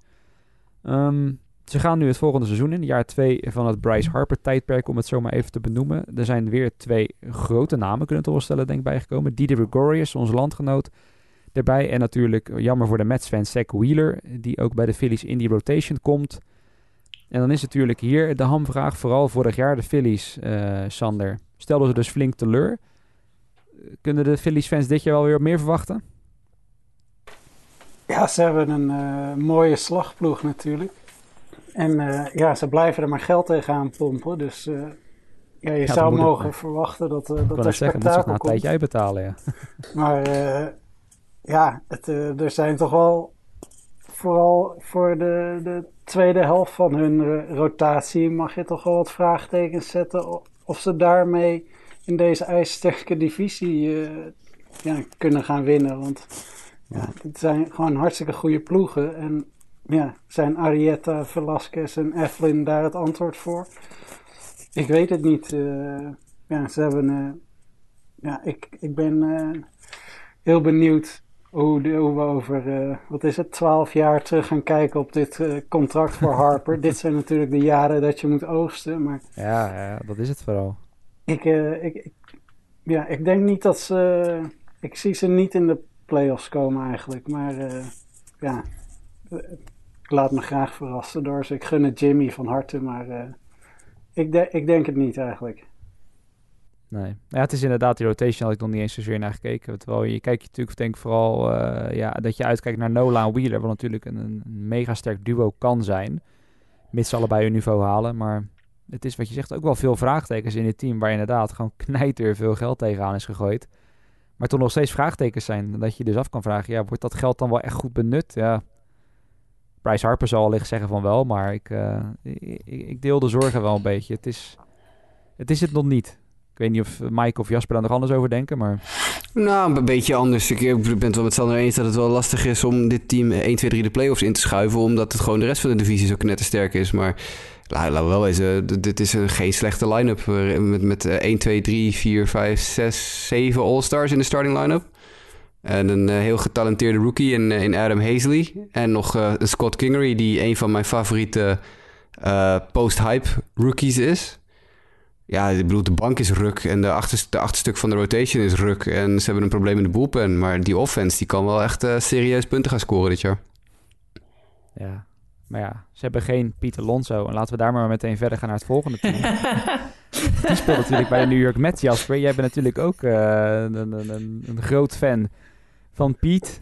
Uh, want ja, laten we naar de Mets gaan. Die toch vorig jaar weer eigenlijk een typisch Mets-seizoen hadden, hadden wat dat betreft. Hè. De hele tijd, ze hingen er toch aan. Uh, ik hoopte stiekem dat ze het natuurlijk gingen halen. Jij zei de hele tijd dat dat echt niet ging gebeuren. Het gebeurde uiteindelijk ook inderdaad niet. Maar ze eindigden toch 86 en 76. Wat denk ik uiteindelijk, ondanks alle uh, misère op de achtergrond... Hè, met Callaway, de manager die inmiddels weg is en dat soort dingen... dat het toch uiteindelijk best wel positief is dat ze het seizoen zo positief is te eindigen. Verder verandert er dan in ieder geval qua inkomende spelers vrij weinig. Natuurlijk, Zach Wheeler is dan dus wel vertrokken. Dat is eigenlijk het grootste verlies en ook het enige echte grote verlies van dit team. Daar komt Rick Porcello voor terug. Um, tja, daar word ik dan niet per se heel erg vrolijk van. Het is een beetje, een beetje hetzelfde verhaal. Het is ook een leuke offense. Precies. Uh, aardige pitching aan de bovenkant. En voor de rest... In ieder geval aan de bovenkant een heel sterk duo. Maar ja, en, en, en ja, Stroman en Mats en Porcello zijn hele goede middle-of-the-pack pitchers. Maar dat zijn natuurlijk geen, eigenlijk geen sterren in, in, in zoverre. Het is alles met elkaar ook weer echt een heel aardig team. We we gaan weer heel veel dingen waar het van gaan afhangen of zij iets kunnen gaan betekenen. Ik bedoel, ze, komt Cespedes op een gegeven moment nog een keer terug is ook nog een keer de vraag natuurlijk. Ja. Uh, wat, doen, wat doet die boelpen? We natuurlijk best wel wat, wat, wat up-and-down jongens hebben. Ik bedoel, ja, Dylan Betances... Uh, natuurlijk, hè? Die wil graag ja. dus denk wel uh, toch bewijzen dat het, dat, dat, dat nou, allemaal. flop wordt, die trade. Diaz, Betances, Lugo, Wilson en Familia zijn allemaal jongens die hartstikke goed kunnen pitchen, maar die ook hartstikke slecht kunnen pitchen. En als het eenmaal slecht gaat, ja, dan, dan heb je wel een probleem, want dan zijn het in één keer vijf jongens die mogelijk uh, de verkeerde kant op stuiteren. Maar over de hele linie genomen is dit best wel, best wel een geinig team. Ja. ja. Ja, en wat, wat, wat, vooral met Diaz, ik bedoel, er zit ik nog wel wat druk op dat ze er aardig wat voor op hebben gegeven natuurlijk. Hè? Met een uh, Jared Kellenick die het nu bij de Mariners toch best wel goed doet in de minors. Dus ja, ja dat, die trade snapte ik toen ook al niet. Dus dat, nee, dat, die is er niet beter op geworden op zijn zachtst gezegd. Nee, jezus. Ja. Maar ja, het is inderdaad, ik moet zeggen, ja, je, je hebt er positieve en negatieve aspecten aan. En het, uh, ja, om maar een cliché erin te gooien, het kan allebei de kanten op uitvallen. Hè? Ja, met... ja, we hebben ook, ook jongens als Ahmed Rosario en zo. Dat zijn echt goede gewoon talenten die eigenlijk wel heel eigenlijk wel jongens die misschien de volgende stap uh, kunnen gaan maken. Ja, dat is het. Ze waren gewoon te vroeg in de, in de Major League misschien gepusht door omstandigheden. En dan, dan kost dat gewoon twee jaar ontwikkeling extra of zo. Ja, die Rosario is 24, maar dat was wel de beste korte stop prospect in de minors uh, vijf jaar geleden of zo, weet je wel. Ja. Dus ja, wie weet, komt dat eruit, dan heb je best wel een aardig team. Ja, Pieter Alonso jaar twee, Jeff McNeil die het steeds beter is gaan doen. JD Davis die waarschijnlijk nu een fulltime eh, rol gaat krijgen. Dus nou, wat dat betreft wel ook genoeg, uh, genoeg leuke spelers om in de gaten te houden daar. Pieter Alonso die echt voor een appel en een ei gaat spelen dit jaar hè? Mooi hè? Zes, zes ton geloof ik, 53 home runs afgelopen seizoen. Het is weliswaar een recordbedrag voor een tweedejaarsspeler, maar dit is toch ongelooflijk. Ja. Welcome to the big leagues, baby. Ja. ja. Daar kan, het, uh, daar kan het inderdaad. Wat dit ook kan en wat het eerst onmogelijk leeg is, dat de Washington Nationals vorig jaar dus natuurlijk de World Series wonnen. Als wildcard team ze gingen, ze gingen 93 en 69 in de divisie. Werden dus niet eens de winnaar van de divisie, maar wonnen wel de World Series. En daar gaat het natuurlijk uiteindelijk om. En natuurlijk ook veel te doen om geweest wat er vervolgens ging gebeuren. Steven Strasburg die bleef dus uiteindelijk wel tegen een mega contract. Anthony Rendon die tekende dat mega contract uiteindelijk bij de Los Angeles Angels. En voor de rest er ook wel veel jongens dan toch eigenlijk uiteindelijk wel opvallend die de club wel trouw bleven. Zoals Daniel Hudson onder andere in de bullpen, Asdrubal Cabrera die uiteindelijk ook bleef. Uh, Ryan Zimmerman natuurlijk, hè, uh, Mr. National inmiddels wel, die is ook gebleven. En voor de rest ook weinig wisselingen in dat front, wat ik dan wel geestig vind. En dat zal ik dan uh, nu als laatste benoemen vanuit mijn kant, uh, voordat ik hem aan jou geef, Jasper. Is dat Will Harris dan van de Astros daar heeft getekend om in de bullpen te komen. En uh, nou ja, Will Harris, die herinneren we nog wel uiteindelijk vanuit de World Series dat hij een van de meest cruciale home run ballen opgaf ten opzichte van de Nationals. Maar ja, verder Jasper, um, een vrij ongewijzigd team. En tegelijkertijd vind ik het dan ook alweer, uh, denk ik, en ik denk dat het ook wel fijn is voor de jongens, dat er nou ook niet heel veel druk op zit, toch? Om te repeaten. Lijkt me wel fijn. Nou, dat weet ik niet. Dat, nee, uh, je wilt, je, ik heb het idee vanuit de Nationals, maar misschien komt dat een beetje vanuit die hele media uh, hype ook rond de Astros en zo, dat het niet heel veel aandacht uitgaat naar de Nationals. Nee, maar dat wil niet zeggen dat ze niet willen repeaten. Uh, kijk, je noemt uh, Zimmerman en Cabrera die blijven. Ja, nou, dat boeit me nou werkelijk wel helemaal niks. Dat, dat, dat boeit me echt helemaal niet. Zonder die twee win je ook wel, of ze bij spreken, weet je wel. Want dat, die zijn 36 en 35 of zo, weet ik veel. Dat, dat, dat, dat gaat me niet, dat gaat, dat gaat, maakt niet uit. Daniel Hudson is wel aardig. Uh, Strasburg dat hij blijft vind ik verstandig. Uh, want ik bedoel, die gast gaat gewoon daar zijn carrière beëindigen. En iedereen is daar even gelukkig mee. Ja, dit is gewoon weer een, uh, ja, een aardig team waar we weer allemaal van gaan zeggen... ja, die gaan de World Series niet winnen en dan zullen we wel zien. ja, nee, zo is het. Ik bedoel, Soto is een superster. Turner is een mogelijke superster. Robles uh, en, misschien? Nou, nog, ja, absoluut nog niet. Nee, dat, uh, daar, daar zijn we nog lang niet. Die, heeft nee, nog niet, die is, die is nog niet in de buurt misschien... gekomen van zijn, van zijn minor league uh, status. Nog echt niet in de buurt. Precies, maar wel 22 natuurlijk pas. Dus ja, ja oké, okay, Soto ja, is 21 natuurlijk. Precies, maar dat is misschien ja. wel, het, het, het, ja, die, die, dat is misschien wat oneerlijk om iedereen met Juan Soto te vergelijken. Maar ja. Nou ja, Robles en Keyboom, dat zijn een beetje dezelfde soort jongens op dit moment. Weet je wel? Van ja, het heel grote talenten. Je moet even afwachten wat ermee gaat gebeuren. En verder, de bank is bagger. Want de bank is gemiddeld, even kijken, de jongste op de bank is 29. Het is, uh, wat op de bank zit is, is 33, 36, 35, 37 en 29. Dus dat, uh, dat, uh, ja, dat is natuurlijk dat is brandhout. Maar ja, en ze hebben natuurlijk Wellington Castillo toegevoegd aan, een, aan de non-roster invitees list. Dus misschien haalt hij het ook nog wel. Maar nou ja, het is een leuk team. En die gaan de World Series niet winnen. Dus Dennis, ga maar vast geld inzetten. Nee, maar goed, het, het, is inderdaad, ja, wat je denkt zegt terecht. Het is wel nog steeds uh, natuurlijk een team om rekening mee te houden. Dat, uh, dat, dat, dat zonder meer. En ja, toch met die bank, je zegt natuurlijk wel, dat zijn allemaal oudjes, het is misschien brand uit. Maar ja, uiteindelijk waren een paar van die oudjes vorig jaar in de playoffs staan. Ik wil toch best wel belangrijk. Hè? Met Kendrick, die toch even een momentje had, Cabrera.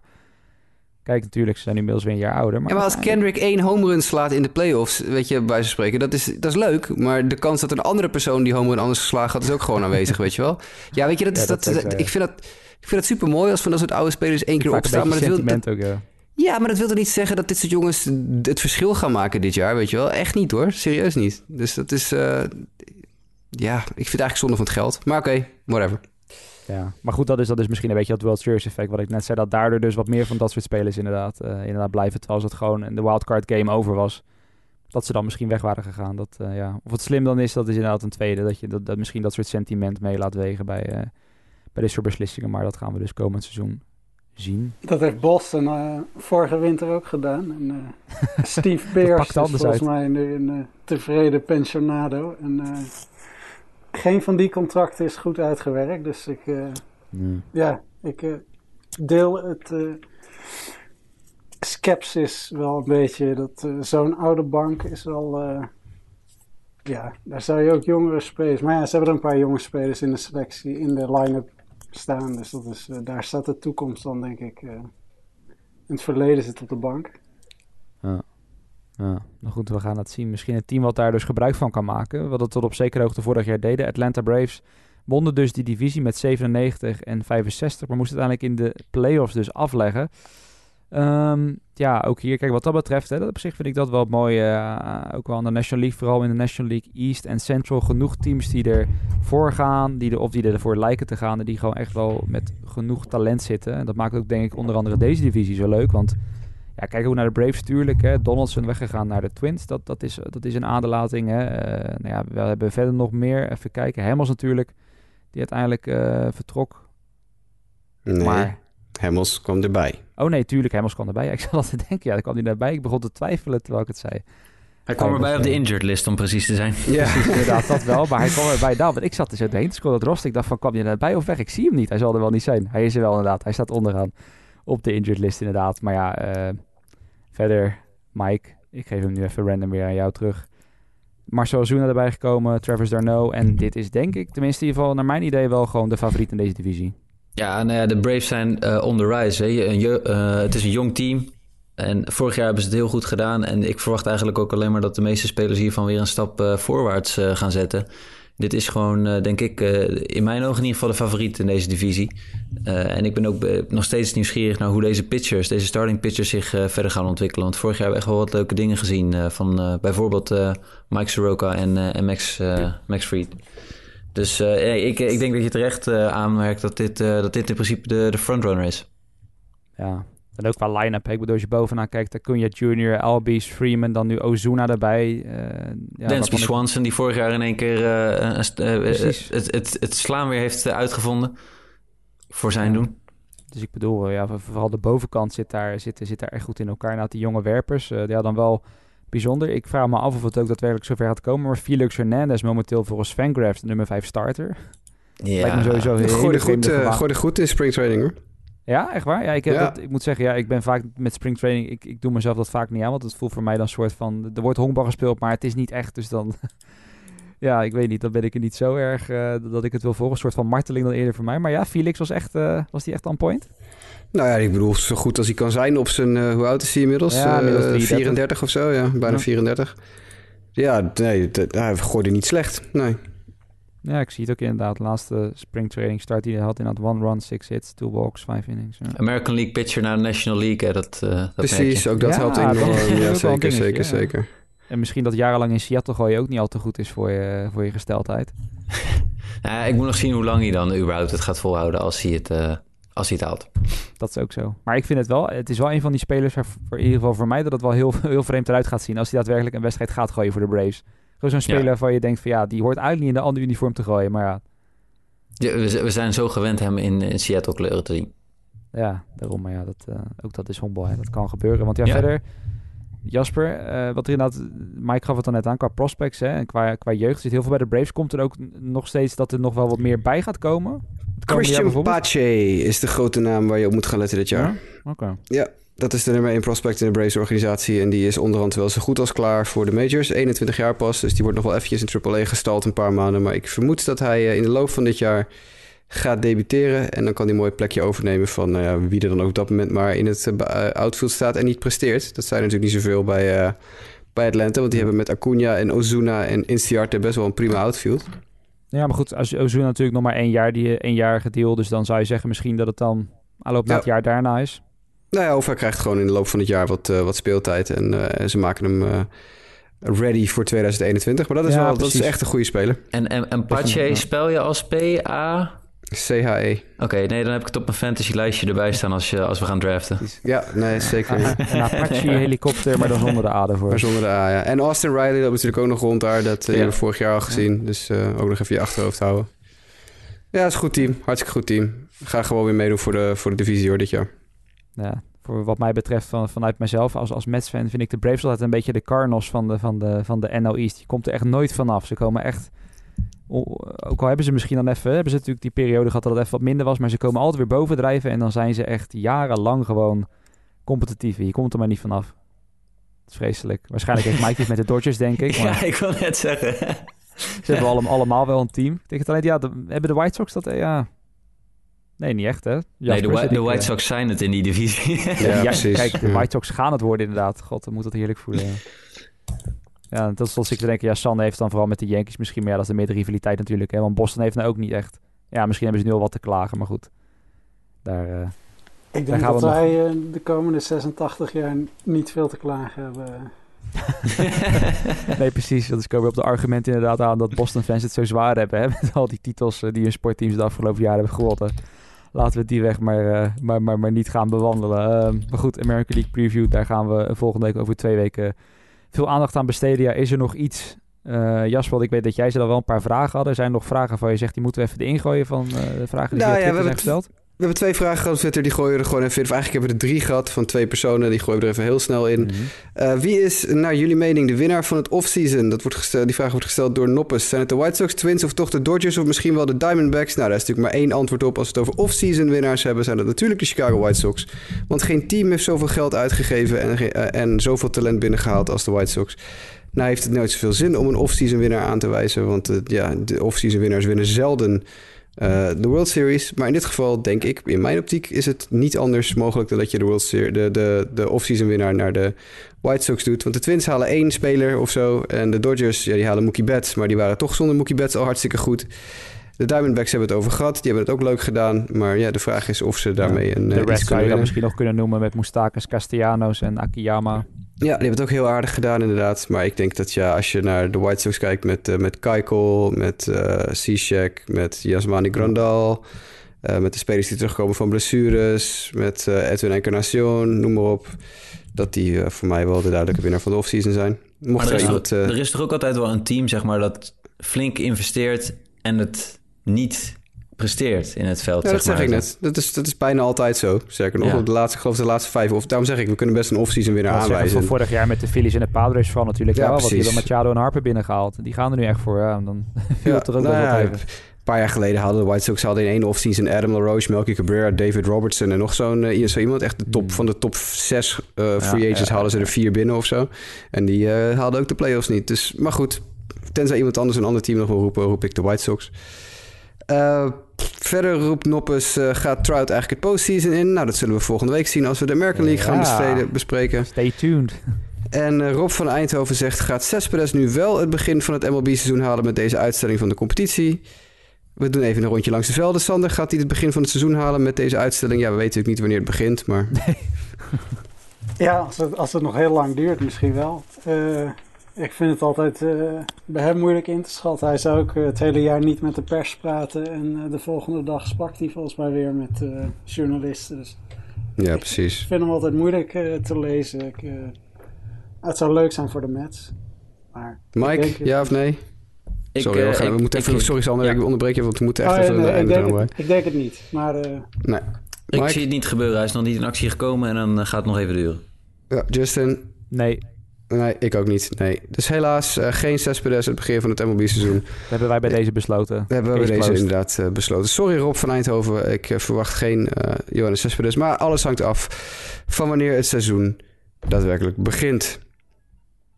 Cool. Nou, dat gezegd hebben, laten we dan, nu we die zaak hebben afgesloten, ook maar de podcast beëindigen. we hebben dus de National League hebben gepreviewd en volgende week of over twee weken ligt een beetje aan de planning. ja, sommigen van ons zullen nu wel wat meer tijd hebben. De, de komende twee weken al geldt dat niet voor iedereen helaas, hè Jasper. Ik weet niet, wil je daar nog een lans verbreken voor, voor het feit dat de scholen open zijn? Jongens, doe die scholen dan gewoon dicht. Ja. Meer, meer heb ik niet over te zeggen. Ik hoop het met je mee. Nou goed, we gaan het allemaal uh, volgen. Het, het corona-nieuws en ook wat voor invloed dat gaat hebben op de MLB. Voorlopig kunnen we niets anders doen dan uh, wachten op wat er gaat komen. Uh, Jasper, Mike en Sander, jullie allemaal bedankt. Heb je nou toch vragen voor die American League Preview die er aan gaat komen als luisteraar? Stuur het vooral op naar justabitpodcast.gmail.com. En dan zien we jullie dus over één week, anderhalf week, à twee weken terug voor de American League Preview. Tot dan.